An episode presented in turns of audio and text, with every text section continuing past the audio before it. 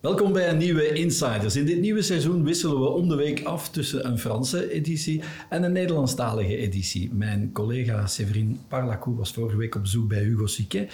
Wij zitten vandaag in het Lottepark in Anderlecht, want hier is komende zondag een Anderlecht Club Brugge die op het spel staat. En met wie konden we dan beter aan tafel zitten dan met Mats Rits. Dag Mats, hoe is het? Goed, met u? Sava, dankjewel. En wie ook mee aan tafel zit, is iemand die menig duel tussen Anderlecht en Club Brugge heeft uitgevochten in zijn carrière. En ook nog uh, flink wat links heeft met uh, Mats Rits, namelijk Glenn de Boek. Dag Glenn. Dag Mats, dag uh, Peter. Mats, slaap jij goed in na een wedstrijd? niet zo heel goed, nee. Ehm, het algemeen is dat toch snel twee, drie uur voordat ik... ja de adrenaline die nog eh, de ja, wedstrijd herbeleven. Herbeleven en ook gewoon, als ik in mijn bed ga, dan zit ik me aan een plafond te kijken. Dus dan uh, kijk ik liever nog een beetje gewoon tv. Niet per se voetbal. Gisteravond was het NFL. Ja. En uh, dan probeer ik mijn gedachten ook wat te verzetten. NFL is begonnen hè, bij ons. Bij ja. Um, hoe was de voorbije nacht dan dus? In het algemeen. Uh, of heeft het iets te maken met je zoontje? Want die is zes maanden intussen, of slaapt hij zo goed? Die slaapt goed, dus daar kan ik niet van klagen. Die, wanneer ik thuis was, was hij al aan het slapen. Um, gewoon thuiskomen. Um, Colin Cosmos was bij mij.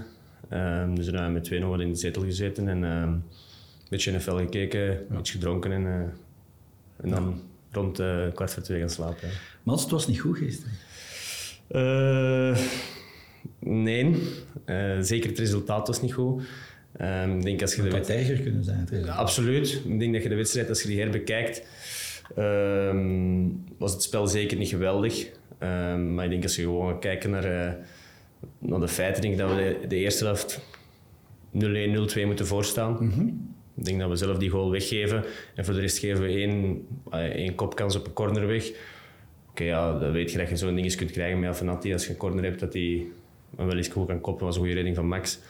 Um, en voor de rest denk ik dat we genoeg kansen hebben gehad om, om 0-1, 0-2 voor te staan. En dan, dan ga je anders de rust in. Nu, nu maken we het onszelf heel moeilijk. Uh, met die 0-1 weg te geven, of met die 1-0 weg te geven.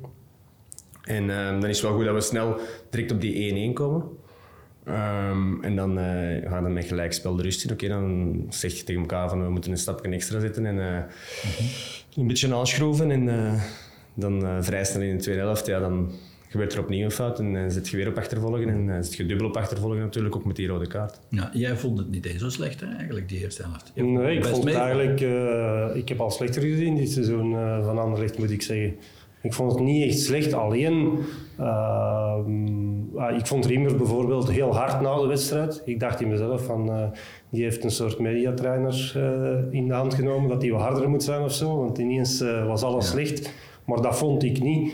Je gaat eigenlijk de boot in door twee individuele fouten, maar die voor mij ook de verantwoordelijkheid zijn van de trainer. Als je weet dat Sardella niet de beste verdediger is en jong, dan moet je daar eigenlijk een meer ervaren speler zetten, vind ik. Want een ervaren speler gaat daar met de, de neven de tribune in. En uh, nu wil hij dat veel te proper oplossen. Oké, okay, je krijgt dat doelpunt tegen. En het tweede doelpunt, iedereen zegt Dupé, dat is waar, maar als de bast gewoon doordraait en begint op te bouwen, ja, dan komt dat eigenlijk niet voor. En dat vind ik uh, toch wel de verantwoordelijkheid van de trainer. Ja, is te begrijpen dat iemand als, als Zeno, een jonge gast, nog toch die reactie heeft. Want tegenwoordig, ja, je kan er moeilijk mee wegkomen. Hè? Met uh, zo'n hensbal een bal uit het doel uh, proberen te kloppen. Dat, dat werkt niet, hè? dat gaat niet meer. Ja, ik denk dat hij dat zelf ook direct wist. Mm -hmm. Ik heb hem direct na de wedstrijd ook even gesproken.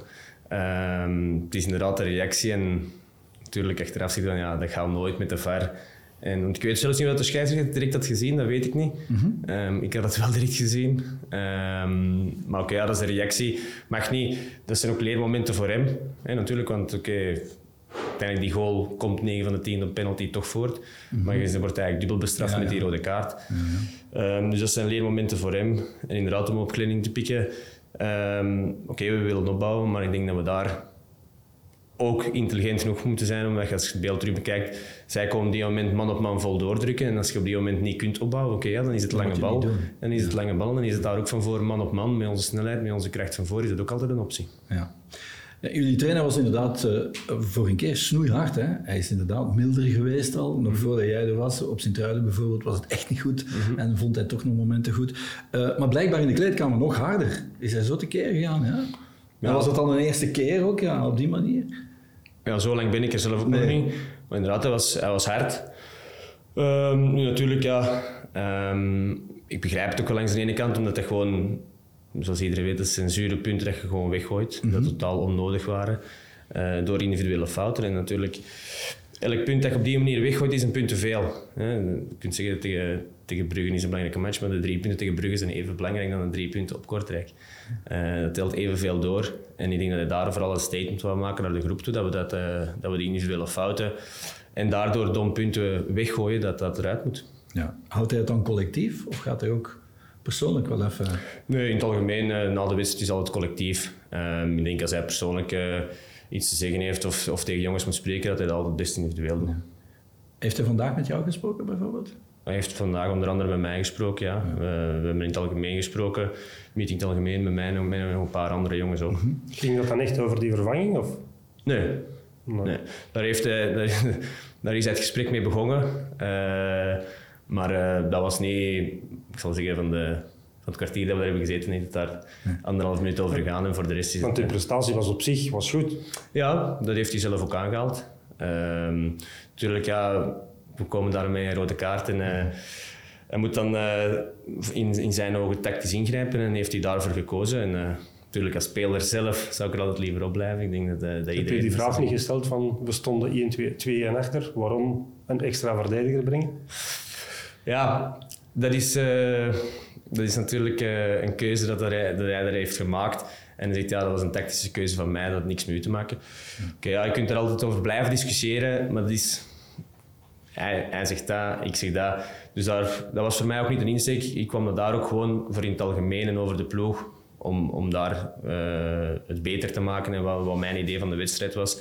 En wat mijn idee naar de komende wedstrijden zijn. Ehm, dat was vooral eigenlijk het gesprek. Komt het misschien ook wel, raar gezegd, maar op een goed moment, nu, dat hij ook eens hard is, dat hij ook eens tegenaan gaat, dat iedereen zegt van, hoe, we zijn nu met een hele andere eh, kern, we hebben hier andere kwaliteit, die lat moet inderdaad hoger en je kan dit niet meer aanvaarden als anderlicht zijn in de week van die wedstrijd tegen Club. Het kan ik zijn dat er een reactie Ik op die denk in de week van de wedstrijd tegen Club, ik denk dat, dat niet per se een reden moet zijn of mag zijn. Ehm, maar ik denk wel dat hij inderdaad eh, daar een statement wil maken. En ik denk dat dat ook op zich eh, niet verkeerd is om, om iedereen op scherp te zetten. Ik denk als je kijkt naar de, naar de stand, eh, want ik, lees ook natuurlijk eh, de kranten of whatever. Ehm, de stand is wat dat is en daar staan we er op zich goed voor. Ehm, is het spel zoals wij wensen dat het spel is? Nee, zeker niet altijd. Bepaalde periodes wel, bepaalde niet. Ehm, en daar willen we natuurlijk wel stappen in maken. En dan is het, eh, dan is het ook niet logisch dat een trainer af en toe is, is hard is. Daar heb ik geen probleem mee.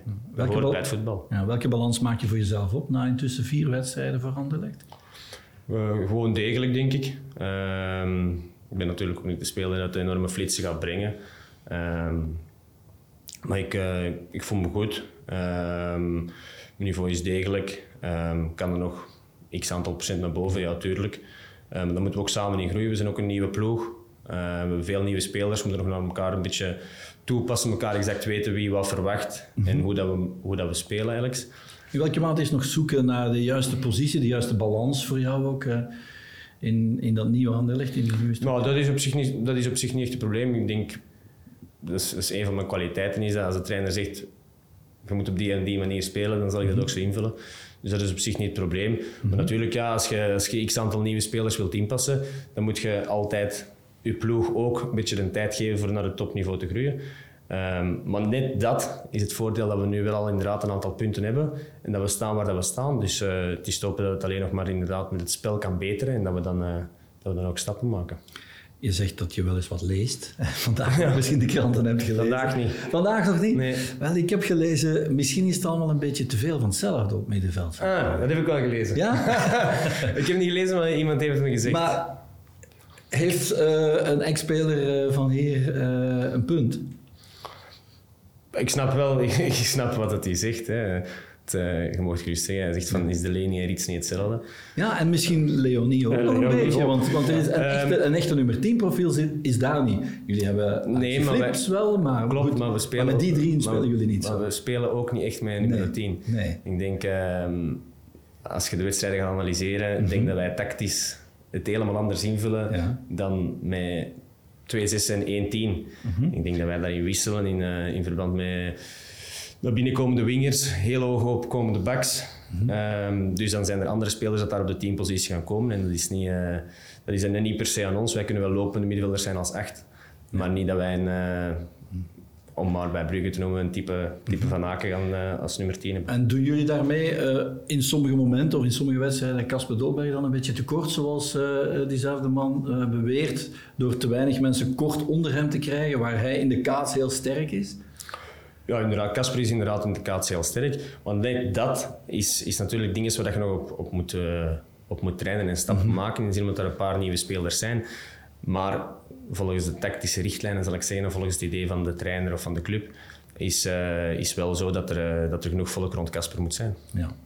Je bent zelf bij KV Mechelen geëvolueerd van, van de flank naar, naar het centrum. Je hebt dan ja, met twee zessen gespeeld, eh, bij club als acht gespeeld, meer gekanteld, ook met twee zessen, zelfs een tijd als enige zes. Hoe zou je jezelf eigenlijk als profiel tenslotte gaan omschrijven? Want je bent wel geëvolueerd natuurlijk. Hè? Goeie vraag. Ik denk oftewel, oftewel zes oftewel acht. En wat dat met twee zessen is of, of alleen, ik denk dat dat beide kan. Ehm tuurlijk is het ook af te zien van wat dat een coach verwacht van als je één enkele zes hebt, zijn er veel coaches dat daar een, een grote sterke jongen Ja, willen. ja, ja. Ehm, dan ben ik een ander profiel. Is het niet spijtig om iemand zoals jij op de zes te gebruiken? Want je hebt tenslotte scorend vermogen. En laat ons nu eerlijk zijn, in dit elftal van Anderlecht zit heel weinig scorend vermogen. Is het dan niet spijtig om iemand als Mats te gebruiken als zes en niet als acht of zelfs misschien als tien, halve tien, rond Dolberg? Ja, dat is, als, je, als je mij hoger op het veld wilt, eh dat kan dus ook zeker een optie. En daarom dat ik zeg van, dat is wat de trainer van mij vraagt. Als je me lager hebt, oké, ja, dan probeer ik de opbouw te verzorgen. En wat neemt je dan weg? Dat is mijn infiltraties. Dat is een Ja, want het gaat over de Ja, kwaliteiten, dat is, hè? dat is een stuk dat je wegneemt. Tuurlijk, langs de andere kant zit je van oké, als je infiltratie doet, kom je minder aan de bal. Want dan moet iemand anders de opbouw gaan voorzien.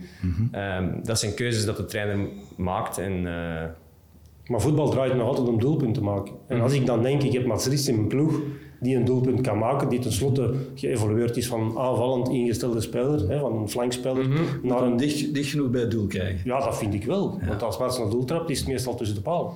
Want zo ben je wel eigenlijk destijds als talent gekomen. Hè? Toen je eh, 16 was en bij Germinal Beerschot eh, debuteerde met twee goals, zoals Rick Koppes. Die vergelijking voor hoeveel extra druk zorgde dat nog in de mate dat er nog nodig was? Ja, dat was al, was al genoeg druk. Eh, Er kwam er wel veel bij kijken, inderdaad. Ehm, en dan kom je natuurlijk direct als, als supertalent zo gezegd erin. En het is moeilijk in te lossen op die manier. Ehm, zeker omdat ik daar achteraf bekeken niet 100% klaar voor was. Ik was te jong voor mij, ik was nog niet genoeg ontwikkeld. Ehm, dat kan ik wel zeggen. Ehm, maar dan komt er inderdaad wel wat druk bij. Maar toen speelde ik inderdaad... Ik heb heel mijn jeugd als ja, als 9,5, 10 gespeeld. Ja.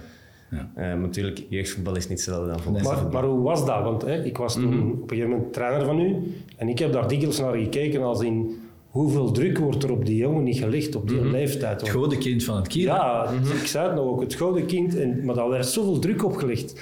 Die moest het maken, die, die moest geld opbrengen voor de club. Ja. Ik vraag eigenlijk af, hoe ze daar dan zelf mee omgaan op die moment? Achteraf kunnen we daar naar kijken. Achteraf kun je er naar kijken en op zich vind ik wel dat achteraf dat ik daar best wel oké mee omging. Om, in de zin van, ik had nog gewoon mijn eigen school en ik had nog een leven daarnaast. Maar onbewust ga je daar toch ook een stukje mee. Je kunt niet anders.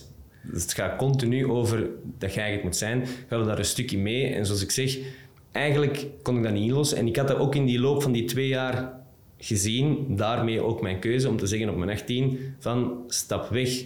Dat was toch het idee. Stap weg uit het volwassen voetbal. En we gaan tussen haakjes, dat is verkeerd uitgedrukt, stap terugpakken naar een grotere ploeg, weliswaar, naar Ajax. Om daar naar de belofte eigenlijk te gaan. En om daar mezelf tijd te geven, uw lichaam tijd te geven om te evolueren. Want ik vind het ook knap dat hij, dan, dat hij er nadien terug uit is gekomen. Hè? Want na Ja, ja. komt dan Ajax, hè, wat, wat nog meer druk met zich meebrengt. Maar als je dan ziet welke carrière dat je gemaakt hebt, achteraf, hè, Mechelen, de Brugge, toch een heel mooie carrière. Zeker, Hè? zeker. Dat je daar, want ik heb heel veel gezien van uw lichting, die evenveel talent hadden, waar het ook heel veel druk werd opgelegd. En dan moet ik u niet zeggen nog wie, maar die hebben het niet gemaakt. En hij is daar wel doorgekomen, vind ik wel knap. Ja. Dan is het gedaan nu. Nee, omdat we wel, nee, je was ineens naar het einde. Nee, geen probleem. Maar ja, ik, ik kan me wel voorstellen. Persconferentie op je 15 om te zeggen dat je blijft. En nog niet naar Ajax, niet naar Anderlecht, niet naar Real Madrid. Want daar is echt eh, Ja, iets geweest. Dat is iets geweest, maar ik heb er nooit op ingegaan. Maar er was wel effectief interesse eh, van Real Madrid. Maar wij hebben toen direct gezegd, nee, dat is geen optie. Dus wij zijn er ook toen niet verder op ingegaan. Ja. Privéchauffeur hoorde ik ook. Klopt dat? Nee, er was iemand dat bij ons, die werkte op, op, eh, op Beerschot die woonde vlakbij mij. Ik moest natuurlijk wel van thuis naar de club geraken en dan middags van de club terug naar school. Ik zat niet op de topsportschool, ik zat gewoon in Katlijnen op school. Dus ik moest er wel geraken. En die, die meneer woonde in, eh in Katlijnen en eh, die heeft eh, zich dan ontfermd over mij. Ja. Hoe ging jij met dat jong talent dat toen al een jaar in de kern zat toen jij eh, kwam? Hoe ging jij daarmee om? In welke fase zat hij toen? Tja, hij zat in een fase waarin dat hij eigenlijk veel te snel moest gaan. en, en dat was best moeilijk. Uh, Mats heeft wel altijd gespeeld. Uh, soms in ups en downs. Ja, maar maar je als trainer... blijven Ik denk dat ik de meeste gevechten eh, over hem gevoerd heb binnen de club, waar dat hij zelfs niet van op de hoogte was, eh, om hem te beschermen. Omdat ik, omdat ik zelf weet hoe moeilijk dat is op die leeftijd als er te veel van jou gevraagd wordt. En ik heb natuurlijk heel veel talenten zien verloren gaan Mhm. door de druk die op die jongens wordt gelegd. En dat wordt meestal eh, gedaan door de entourage of door de mensen binnen de club. Maar als trainer moet je, moet je zo'n speler beschermen en dat heb ik altijd geprobeerd. Ajax. Hoe verliepen die eerste week in Amsterdam? Eigenlijk te goed.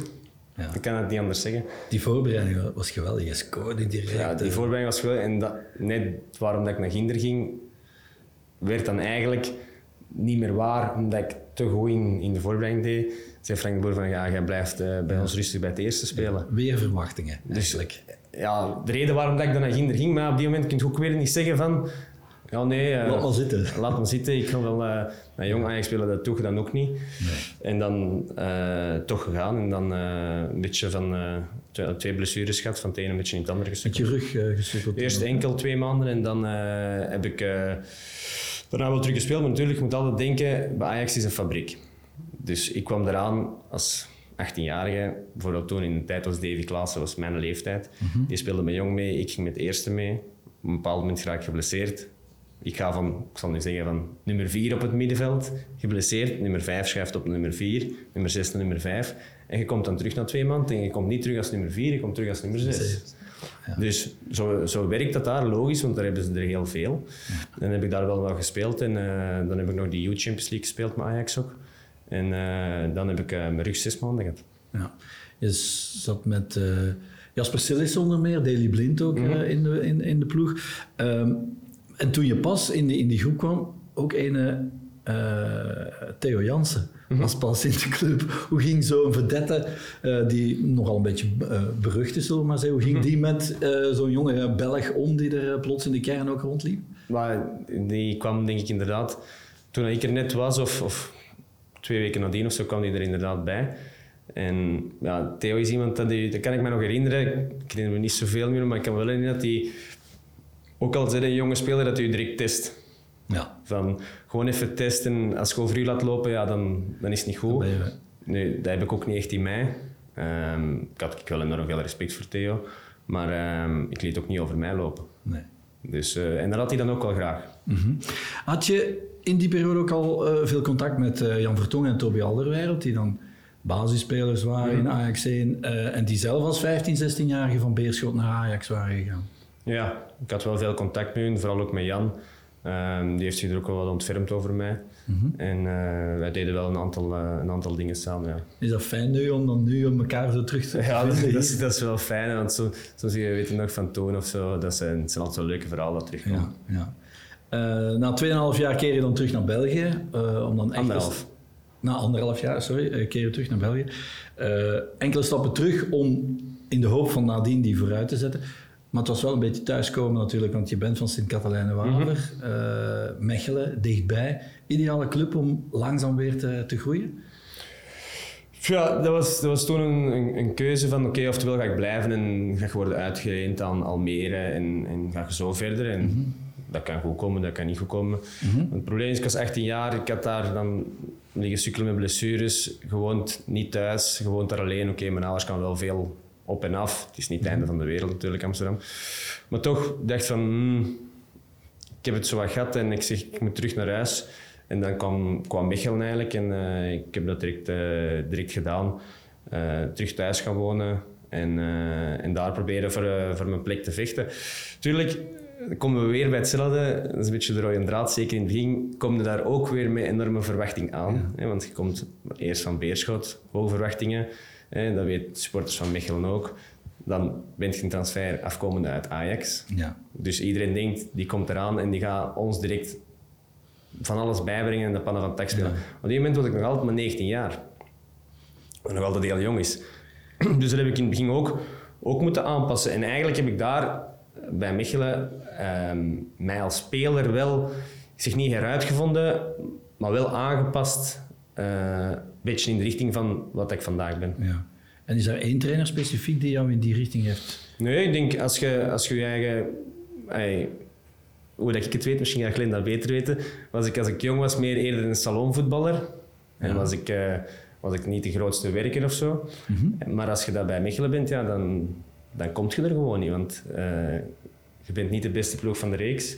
Dus, als je, moet die klik dus, maken. dus je moet die klik maken of, of je komt er niet. Misschien is dat de stap die hem over heeft- geslagen daarvoor. Hè? Want misschien had zijn carrière er anders kunnen uitzien. En dat zie je veel bij jonge spelers die dan gepusht worden door bepaalde mensen rondom hen. Die dan direct die stap te hoog maken om dan een stap terug te zetten, waar daar niks mis mee is. Integendeel, want ah, dat is knap dat je dat doet en dat je dan terug die relance vindt. Want je moet ook die relance terugvinden om, om, om dan terug te komen. Want zoals dat zegt, er zijn verwachtingen.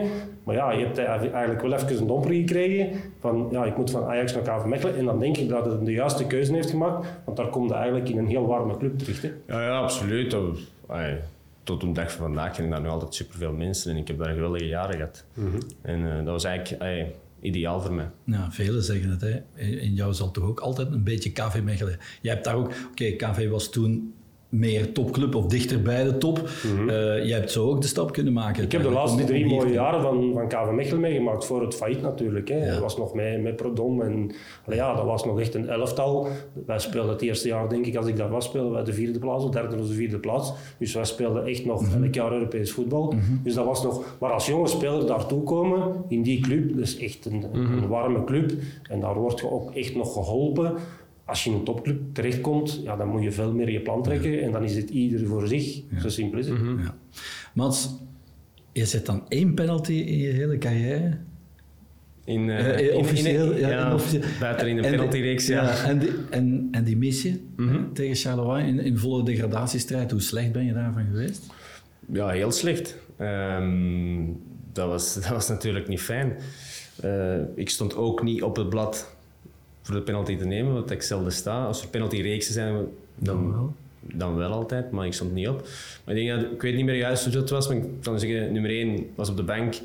eh, nummer 2 was op de bank en nummer 3, dat was een fout op gemaakt of zo. Dus ja, eigenlijk onze, onze penaltynemers, Ja. die waren al eigenlijk uitgeschakeld. En dan heb ik daar mijn verantwoordelijkheid gepakt en eh, jammer genoeg. Je bent ook in bescherming genomen door je trainer, want die zei hij heeft zijn Mhm. verantwoordelijkheid gepakt uiteindelijk. Hè? Ja, ja, natuurlijk, blijft niet fijn. Hè. Nee. Zeker, eh, wat ik ook begrijp, eh, een penalty verwacht je van altijd binnen te zijn. En op die moment was dat, was dat een hele dure. Ja. De afloop was natuurlijk triest toen Mhm. ook. Ehm, je hebt een paar maanden daar kunnen over, hè, of dat kunnen verwerken. En dan eh, is de transfer naar, naar Club Brugge gekomen. Ivan Leko wilde jou Mhm. heel graag hebben. Hij kende jou ook nog. Je hebt, er nog, je hebt hem nog gekend op het veld eh Mhm. bij Germinal Beerschot. Hij zei... hij past bij het DNA van Club Brugge, want hij heeft eh, passie, hij brengt energie, temperament, kwaliteit, rendement. Ja, maar een voetballer zoals Mats, die past in elke ploeg. Dat vind ik wel. En, en dat is waar dat heel veel mensen... tellen, ja. kan. maar dat is, heel, dat is waar heel veel mensen aan voorbij gaan. Ik ben altijd fan geweest. Alleen blijf ik erbij dat ze hem te veel gepusht hebben in het begin. Mhm. Maar Mats heeft loopvermogen, Mats heeft scorend vermogen, Mats, Mats ziet het voetbal, eh, heeft techniek te over. Ja, dat wil je als trainer toch in elke ploeg hebben. Of dat dan bij Club Brugge is of bij Anderlecht. Ja, Ik vind het een geweldige transfer. Toen, toen dat ik het las dat er naar Anderlecht kwam, is het ook voor Anderlecht een geweldige transfer geweest. Dus dat, een speler gelijk als Mats wil elke trainer in de ploeg. Alleen zal ik hem hoger zetten omwille van zijn scorend vermogen. Ook Philippe Clement En nadien, eh, die kende je ook nog. Daar heb je ook nog mee samengespeeld. Hè? Die stond achterin bij, bij Zeeman Beerschot toen jij als jong talent kwam piepen. Eh, en het tweede seizoen ook nog. Eh, op welk vlak ben je onder Philippe, die zich al heel sterk aan het ontwikkelen was als trainer, een andere voetballer of een completere voetballer geworden? Maar ik denk dat, ik denk dat, ik mocht er aan Filip ook vragen, ik denk dat Filip een, een ander beeld van mij had, van vroeger nog, van, van bij Beerschot. Ja. Van dat ik, ik dus meer de salonvoetballer was en niet zo hard werkte. Hij had dat natuurlijk al wel gezien in de wedstrijden dat ik dan bij Brugge had gespeeld, dat hij dat had gezien. En dan is hij bij, bij club gekomen en heeft hij wel vaak gesprekken gehad van ehm, chapeau dat je bent veranderd als speler, hoeveel dat je ook naast het veld toe Ja. krachtonk of, of whatever. Ja. En ehm, dan heeft hij me wel bijgebracht, want ik weet nog dat wij een wedstrijd hadden ehm, met Leko tegen Filip dan met Genk. En eh, dat hij altijd Malinowski gewoon bam op mij zette en lange bal speelde naar mij dan. Eh, en Malinowski sterk om dat uit te buiten, omdat ik als zes dus niet de grote sterke was. Ehm, en daar heeft hij mij wel in, eh, wel in bijgeschaafd. Toen ook een van de, de grootste punten van Filip is dat me bijgebleven is, is altijd op hoe verdedigen op, eh, op voorzetten. Dat was, echt, eh, was hij echt heel sterk in en achteraf nog vaak tegen elkaar gezegd als spelers. Mats, we gaan een quizje doen. Oei. We schrikken al iedere keer. Ik stel 10 vragen, je kan 20 punten verdienen. En Glenn, jij neemt de tijd op neem de tijd en jij telt de juiste antwoorden. Ja. Als je zegt dat je klaar bent, dan, dan, klaar. En, en dan vertrekken we. Ja, goed, oké. Snel antwoorden. Ja. Je maakt je debuut voor Jean Beerschot tegen Westerlo op 3 oktober 2009 als 16 jaar. Je scoort in de wedstrijd twee keer. Weet je nog op assist van welke twee spelers? Bart, Daniel Kroes. Nee, Bart Goor en Tosin Dosunmu. Bij Ajax scoor je ook meteen in de oefencampagne. Ken je de naam van die amateurclub nog? Nee. Buitenpost. Welke speler in die wedstrijd kom je later ook terug tegen bij Club Brugge, die bij jou speelde toen? Kom je later tegen bij Club Brugge? Stefano Denswil. Klopt. Bij KV Mechelen debuteer je met een korte invalbeurt op Moes Kroen. Wie was toen de trainer van Moes Kroen? Pas. Enzo Schifo. Jouw ploegmaat eh, maat Laurens Paulussen bij Malinois kreeg ooit in jouw plaats rood tegen Genk. Welke scheidsrechter had niet gezien dat jij het was die de bal met de arm uit het doel eh, hield? Weet je ook niet meer? Luc, Wout- Luc Wouters. Eind augustus 2018 maak je je eerste goal voor Club Brugge. Weet je nog tegen wie dat was? Mm, eind 2018. Ja. Eind augustus 2018. Mm, Eerste goal. Zulte Waregem, 2-5. Ik beschrijf een doelpunt. Lang geeft mee aan Matta, voorzet tweede zone, volley van Aken afgeblokt, jij tikt met links binnen. Over welk belangrijk doelpunt heb ik het? ehm, Champions League tegen Leipzig. Ja, klopt. Van wie is de uitspraak Mats Rits is de kuisvrouw van Club Brugge? Van Imst. Ja, je bent geboren in 93, Anderlecht was toen kampioen. De kapitein van die ploeg speelde ook voor twee van jouw ex-clubs, Club Brugge en later nog Sherminal Beerschot. Wie was dat? Glenn de Boek. Mark de Grijze. Ken je de tien andere starters van die wedstrijd in de Champions League in Leipzig? Dus de tien andere starters. Begin maar. Eh Kusunu. Nee. Matta. Ja. Sokki. Ja. Brendan Mechelen. Nee. Eh, Rika. Sobol. Drie. pup, pup, pup. Balanta. Ja. Van Aken. Ja. Ehm, de Ketelaren. Ja. Ehm, Noah Lang. Ja. Mm, Simon. twee. Simon. Ja. Eh, Je mist er nog eentje. Centrale verdediger dan. Nee. Soa. Ah, zo. Soa. Ah nee, je mist er nog twee. Henry heb je ook Ja, nog gezegd. nee, Jackie. Nee. Negen er nog bij. eh. Dat was het, eh, Glenn. Hoeveel, aan hoeveel tijd zitten we? 2 minuten 23. Ah ja. En hoeveel heeft hij er juist? 12. Oké nog, hè? 9 Ça va. plus 3. Dat is oké nog, hè? Van godenkind tot kuisvrouw, zeg, Mas. Wat vond je daarvan? Ik heb het altijd gezien als een compliment. Ja. Ehm, dat was ook wat dat hij zei, klopte. Dat was ook zeker mijn taak toen in die, in die fase. Ja, als, je, als je met de punt achteruit speelt, 1-6, 2 achter met Van Aken en Vormer voor u, ja, dan speelt geen functie van hun.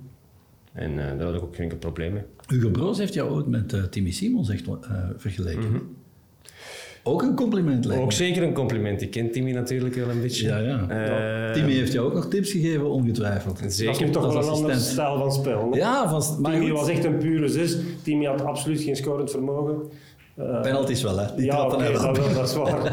Alleen misschien als ze hem hoger hadden gezet, misschien, wel, hij wie weet, misschien wel. Wie weet. Maar hij zal ongetwijfeld tips gegeven hebben als hij Zeker. assistent was. Zeker, zeker. Ehm, ja, Timmy was gewoon, ehm, wat ik net zeg, hij was heel zakelijk. Hij wist perfect wat hij kan en niet kan. En, en daar bracht hij de ploeg heel veel bij mee. En De dat was, kwaliteiten van een voetballer. dat was, inderdaad, dat is, dat is heel belangrijk om dat te weten. Ehm, En en op dat dat- vlak heb jij wel veel geleerd. Absoluut. Ja. Dat is zo. En dat is natuurlijk op die moment, als je die spelers vergeet, is dat ook proberen de bal af te pakken en eh, snel mogelijk inleveren naar, leveren. Ja. naar hun en laat hun het verschil maken. Ja. 197 wedstrijden voor club, hè? 23 goals, drie jaar na elkaar kampioen. Dat is niet verkeerd, hè? Nee, Mooie zeer, balans. zeer mooi. Zeer mooie tijd gehad. Fantastische dingen beleefd. Ja. In het laatste kampioenenseizoen haalde je eigenlijk je, je beste cijfers. Mhm. Hè? Toen werd links en rechts wel eens geopperd.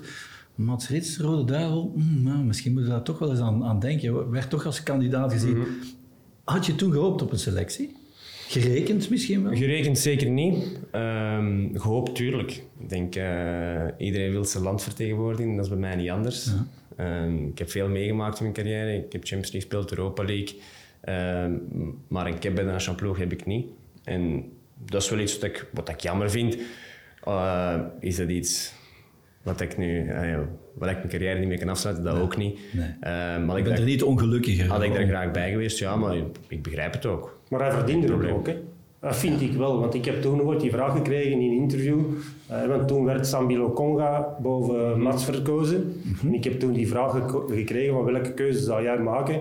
En ik heb toen gezegd, Sammy was toen nog heel jong.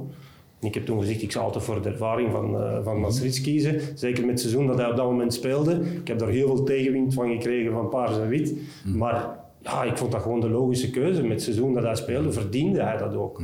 En zoals hij ook zegt, het is toch altijd nog een surplus aan je carrière als je voor de nationale ploeg kunt spelen. Het waren natuurlijk ook niet de minste die in die posities op Nee, dat moment al jaren de is- dienst uitmaken. Natuurlijk, het is, je kunt niet zeggen dat ik, er, dat ik erop hoopte van te spelen. De- Er zijn eh, spelers die een pak beter zijn op die posities dan ik.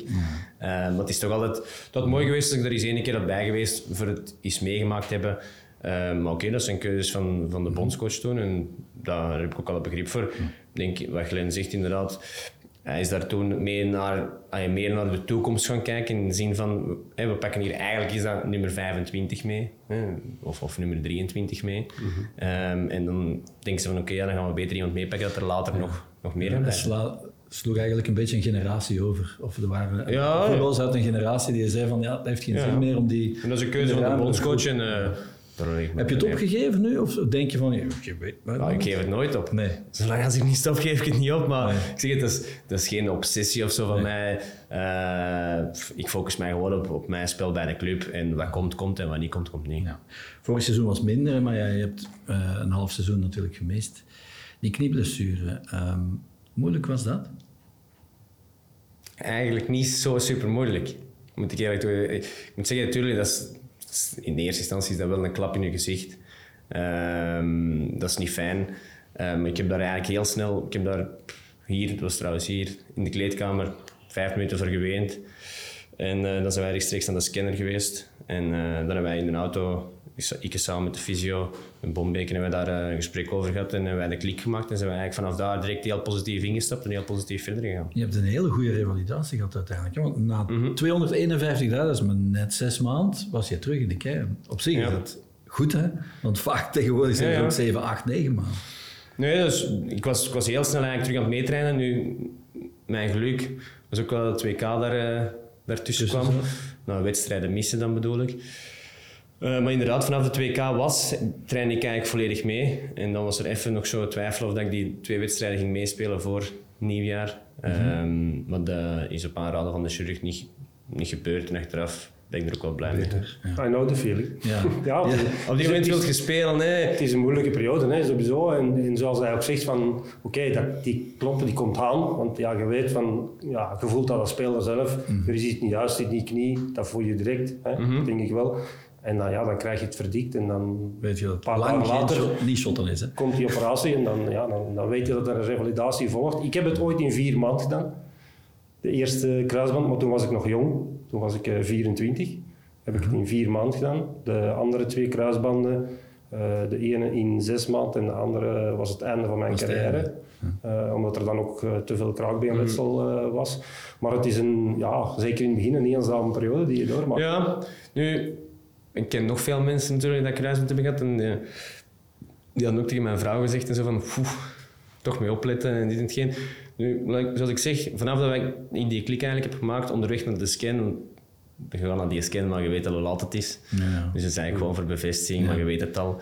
Heb ik daar de klik gemaakt en heel positief in ingestapt en, eh, en, ook, en ook wel positieve dingen uit, uitgehaald. Bijvoorbeeld in die, laten we zeggen, in die zes maanden dat je dan... Ik ging dan wel altijd naar de wedstrijden kijken, maar oké, ja, ik had wel eens een weekend nu. Oké, ik ging wel trainen, maar bijvoorbeeld als vrijdagavond, als mijn vrouw iets zou doen, dan zei ik, ja, oké, is geen enkel probleem, ik ben daar. Zaterdagavond, ja, ik kan. Zondag was het wedstrijd, maar ik moest niet spelen, ik moest gewoon gaan kijken. Dus ja, dan probeer je daar toch ook weer je geluk uit te halen, want ik denk, als je daar ongelukkig door gaat zijn, gaat je revalidatie ook nooit niet goed verlopen. Dat je de instelling van Johan Cruijff. Elk nadeel zijn voordeel. voordeel. Heb je vanuit die ervaring, recente ervaring, zelf ook nu eh, het gevoel van, ja, ik ga wel eens vaker praten met Jari Verscharen, die nog in die, in die heropbouw zit? Ja, ik, ik heb Jari toen ook gestuurd. Toen dat hij dat voor heeft gehad, heb, ik- ja. hem ook eh, eh, ah, een, een redelijk lang berichtje gestuurd. Omdat ik het ken en eh, ik kwam gewoon naar om de riem steken. En nu zijn we door door samenloop van omstandigheden ploegmaats geworden. En ja, we spreken daar wel over. Ehm, en ik denk dat Jari er ook heel positief in staat. En, Gaat het goed met hem? ja, gaat goed mee. Eh, Hij is goede stappen aan het zetten. Ik vind dat ook wel fijn om te zien. Maar over het laatst zei ik op het veld en is, is, is een bal aanraken en zo. Ja. Dan kan ik, ik kan het mij nog levendig voorstellen Tuurlijk. hoe, hoe fijn het dan is voor hem. En dat doet me ook wel plezier. Die kleine dingetjes. De eerste keer op het veld. Ja. Ja. Je had nog een jaar contract. Hè? Eh, Ging jij ervan uit dat het wel een verlengd verblijf ging worden voor jezelf?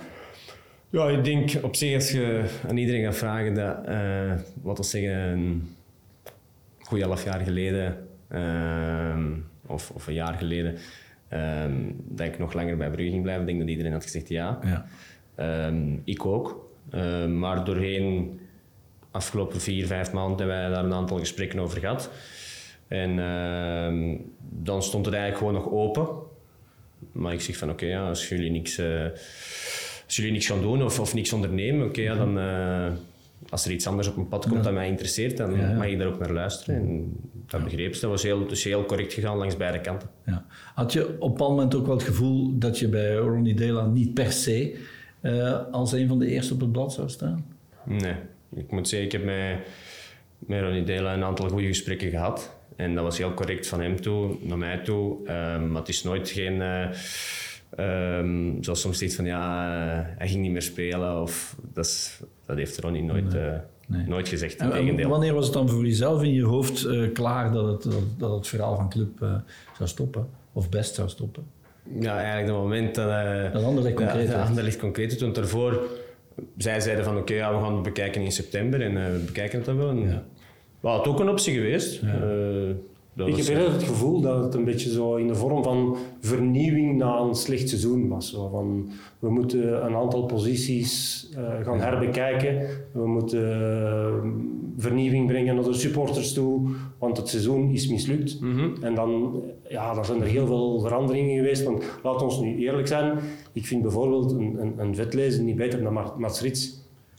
Het is niet beter. De naam is anders alleen. Maar, en dan denk ik van, het is eerder vernieuwing. Oké, ze zit natuurlijk Mignolet, eh Mechelen, Van Van, Aken. Aken, die, Ja, die, die zekerheden die blijven. En dan is- het makkelijker om rond de posities van die mensen ja, andere mensen te gaan brengen, denk ik. En ik denk dat je die eerder in die optiek moet zien. Ja, jij werd 30, jij dacht ja, ik wil toch een beetje zekerheid gaan inbouwen en ergens iets perspectief voor de komende jaren hebben.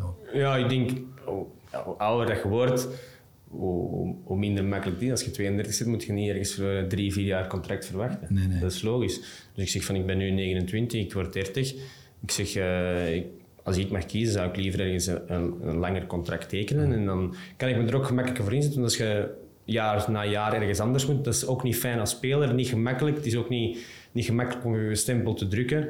Ehm, dus daar heeft niemand niet veel aan, denk ik, eh, met mijn type speler.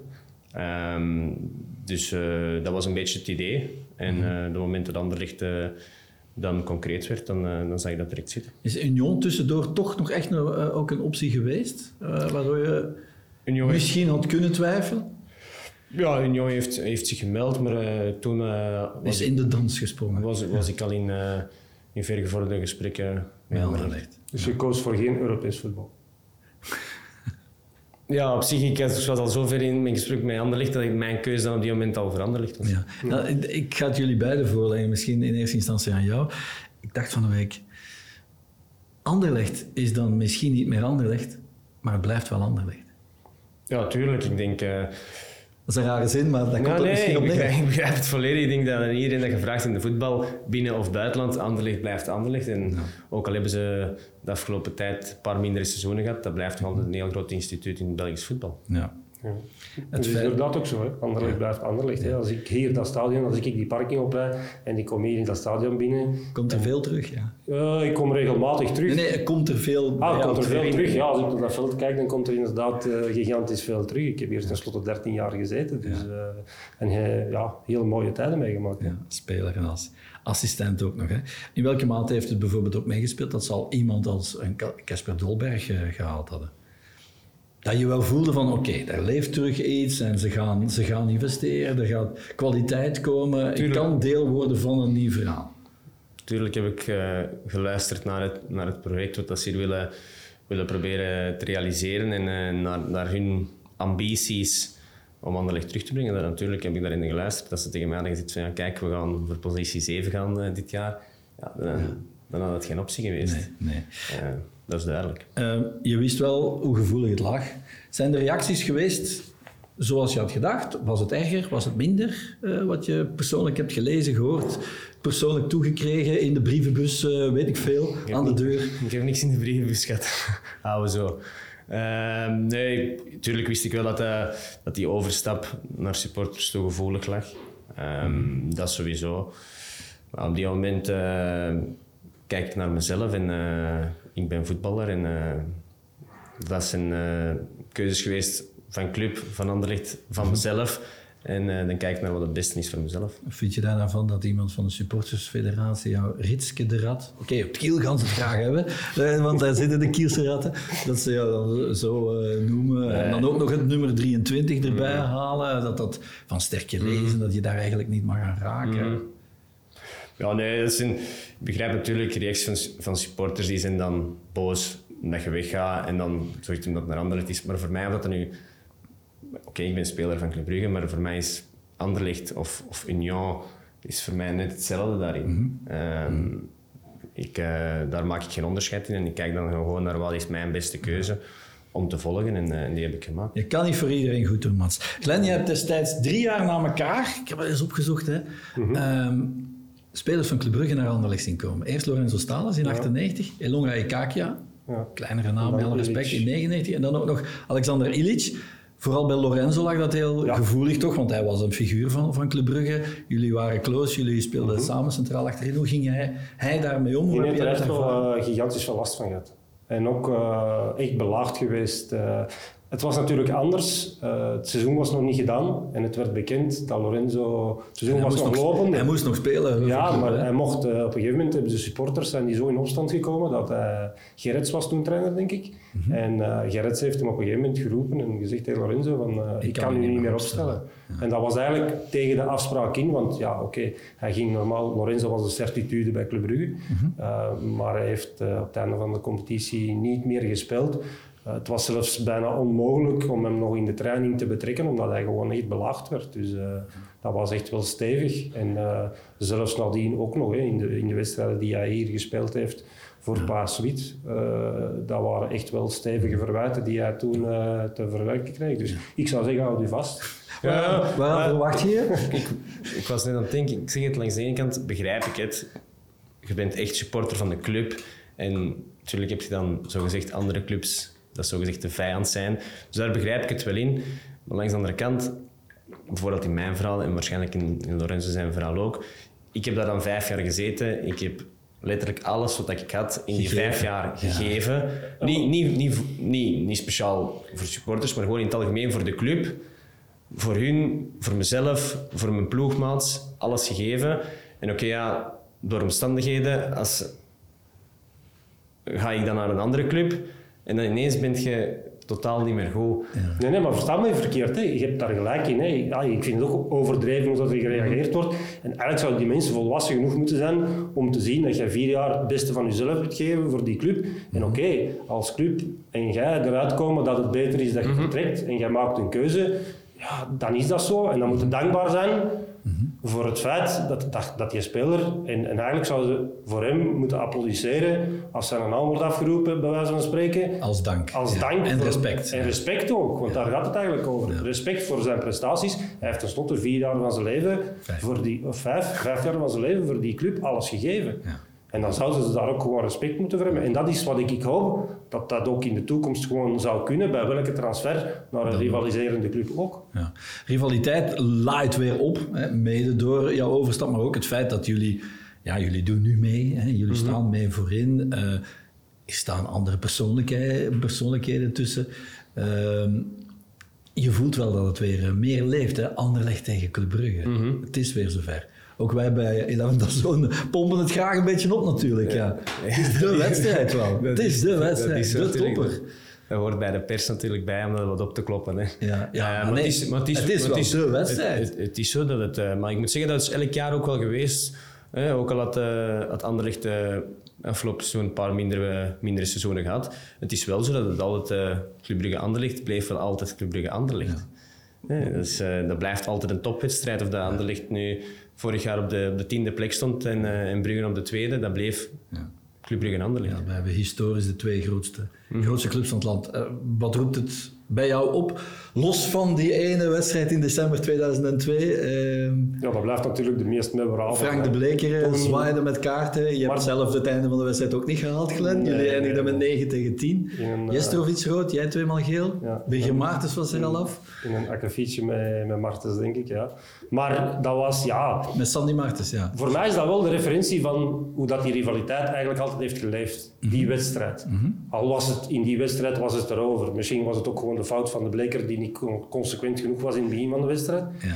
Maar natuurlijk, zoals Gert Verheijen ooit gezegd heeft, van als voetballers niet willen voetballen en alleen maar met rivaliteit bezig zijn, ja, dan krijg je inderdaad Geen geen wedstrijd. En dat was op dat moment zo. Maar het is wel een referentiepunt om naar te kijken hoe fel het altijd wel heeft geleefd. En hoe het kan ontsporen. En hoe het kan ontsporen. Kan het zondag ontsporen, denken jullie?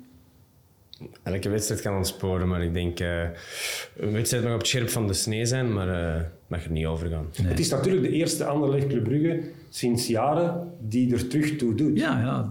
Dat, dat kan ik daarnet. natuurlijk wel. Dat bedoelde ik daarnet. Ehm, het is ook de eerste die ertoe doet voor veel spelers binnen Anderlecht.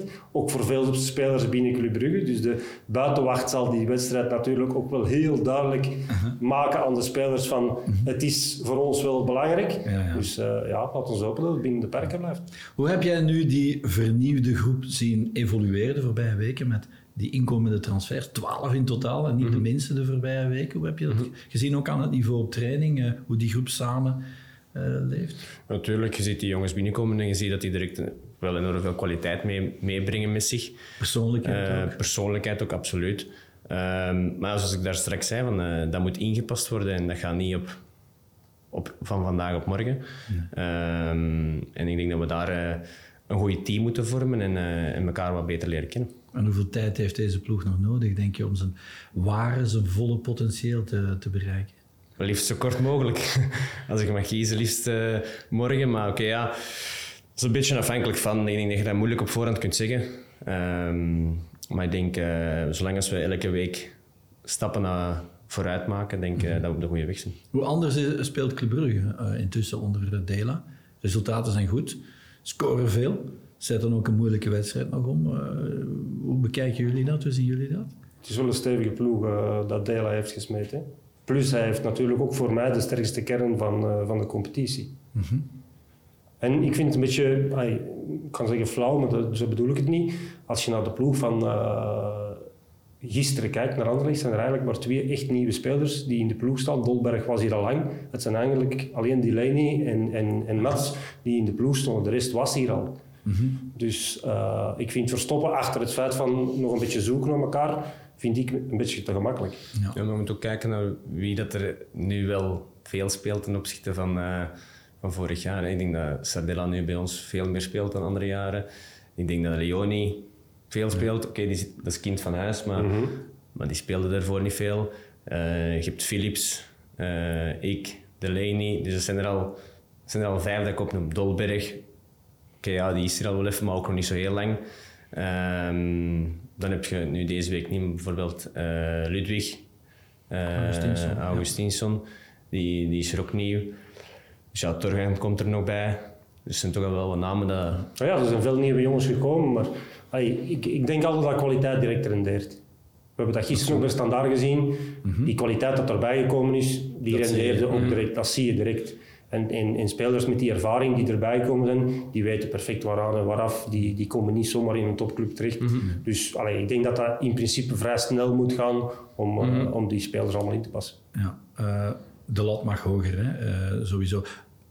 Torgan, jullie hebben nog samen gespeeld, zeg ik, bij de onder 19 ooit.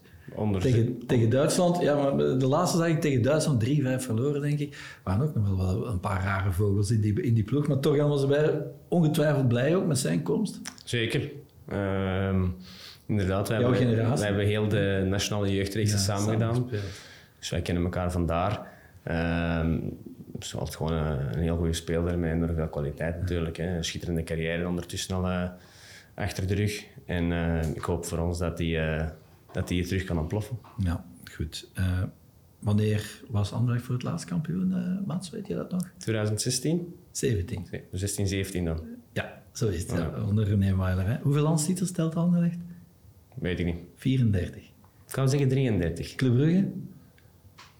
18 nog een verschilletje. Je hebt een contract voor drie seizoenen, plus een uh, optie, dacht ik ook uh, mm -hmm. nog. Wat wil je daarin met Anderlecht bereiken? Goeie vraag. Uh, ik denk dat cliché antwoord, maar het eerste doel is dit seizoen is play-off 1. Ik denk dat we ons daar eerst en vooral op moeten focussen. En ehm, dan in play-off 1, oké, okay, het is nu terug met zes ploegen. Maar in play-off 1, ik heb er nu zelf ook al een aantal jaar in gezeten, daar kan letterlijk alles gebeuren. Ja. En ik denk dat we daar, maar laten we beginnen bij het begin, dat is dat. Maar ik denk dat we ons, ons eerste grotere doel, dan laten we zeggen, om toch iets groter te zeggen dan gewoon play-off 1, want dan, dan zegt iedereen, ah, is dat niet wat weinig.